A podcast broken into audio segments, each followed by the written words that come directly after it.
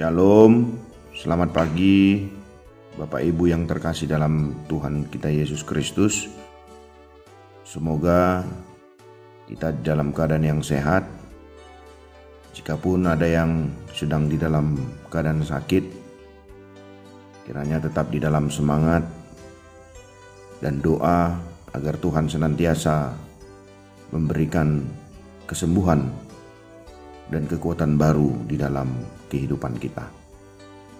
Sebelum kita memulai aktivitas hari ini, mari kita mendengar firman Tuhan yang tertulis di dalam Lukas pasal yang ke-12 ayat yang kelima.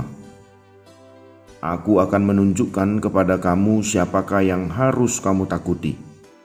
Takutilah dia yang setelah membunuh mempunyai kuasa untuk melemparkan orang ke dalam neraka.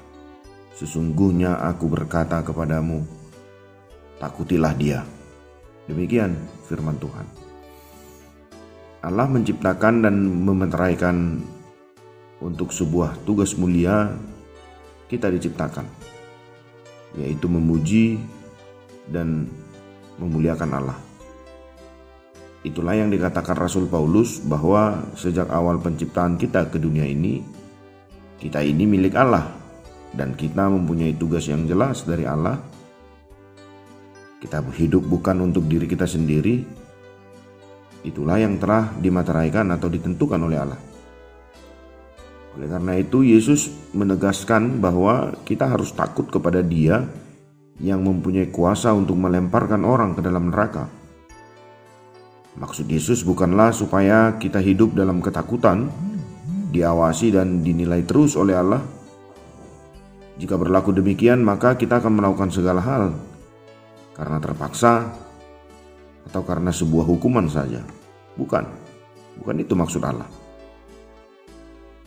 Takut akan Allah berarti bersikap dan bertindak kita selalu memperhitungkan dan menghormati keberadaan Allah. Tidak hidup dengan seenaknya saja.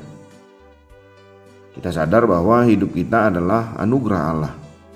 Sedangkan cara hidup kita merupakan jalan atau cara kita memuliakan Allah. Orang yang takut akan Allah dengan demikian tidak akan takut menghadapi gejolak dunia ini. Tidak akan cemar dan cemas dengan apa yang akan kita lalui dalam kehidupan ini karena kita begitu berharga di mata Allah. Allah harus lebih ditakuti daripada orang-orang yang paling berkuasa. Aku akan menunjukkan kepada kamu siapakah yang harus ditakuti seperti nats perenungan kita supaya tidak takut kepada manusia, tetapi lebih takut kepada Allah. Musa mengalahkan rasa takutnya terhadap amarah Firaun dengan mengarahkan pandangannya ke, kepada dia yang tidak kelihatan. Dengan mengakui Kristus, kita mungkin akan membangkitkan amarah manusia yang tidak dapat berbuat lebih jauh selain membuat kamu mati. Dan tanpa seizin Allah mereka bahkan tidak dapat melakukannya.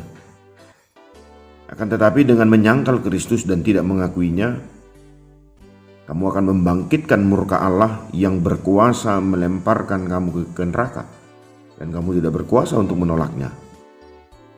Nah, dari dua hal yang jahat, pilihlah yang kurang jahat dan takutilah yang lebih jahat. Dan karena itu aku berkata kepadamu, takutilah dia. Hidup itu manis dan mati itu pahit, namun kehidupan kekal jauh lebih manis, dan kematian kekal pun jauh lebih pahit. Kembalilah kepada firman Allah. Tuhan memberkati.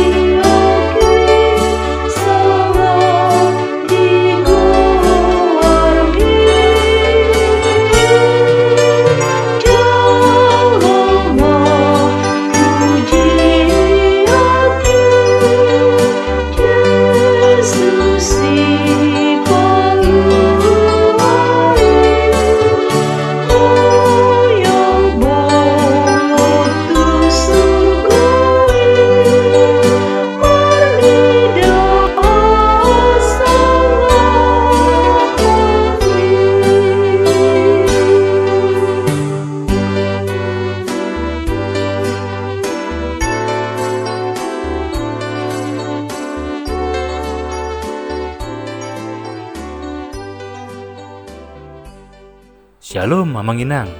Terima kasih sudah mengawali hari dengan mendengarkan renungan hari ini. Yuk bagikan renungan harian ini kepada keluarga kita sehingga firman Tuhan itu tidak kembali sia-sia, namun berbuah dan terpelihara. Tuhan Yesus memberkati.